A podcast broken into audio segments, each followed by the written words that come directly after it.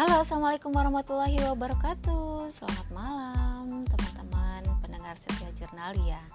Pada kesempatan kali ini, saya ingin menyapa teman-teman setiap malam ya di intermezzo malam selama 2 sampai 3 menit ke depan dengan topik-topik hangat yang berkaitan dengan karir bisnis, kemudian relationship atau bisa jadi dengan afirmasi-afirmasi positif yang berkaitan dengan bawah sadar. Teman-teman, pada kesempatan kali ini saya ingin berterima kasih dulu buat teman-teman yang hari ini sudah booking konsul, private konsul, baik itu melalui chat WA atau telepon atau tadi video call juga melalui Zoom. Ya selama satu jam sampai satu setengah jam gitu ya.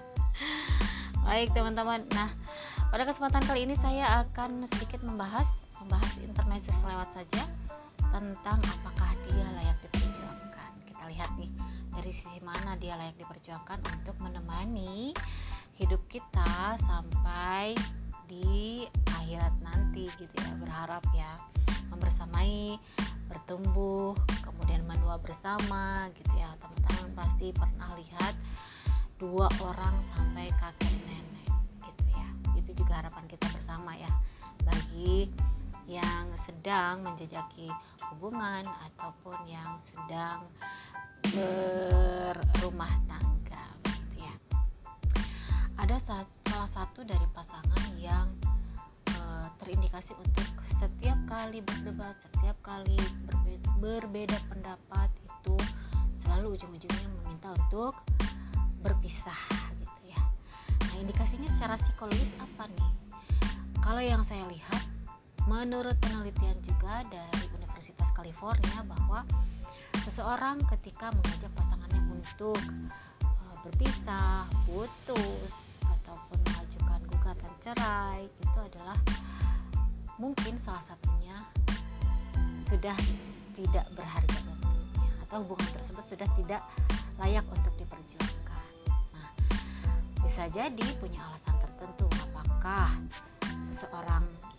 lain itu tidak memberikan kenyamanan untuk pasangannya ataukah ada alasan yang lain gitu ya.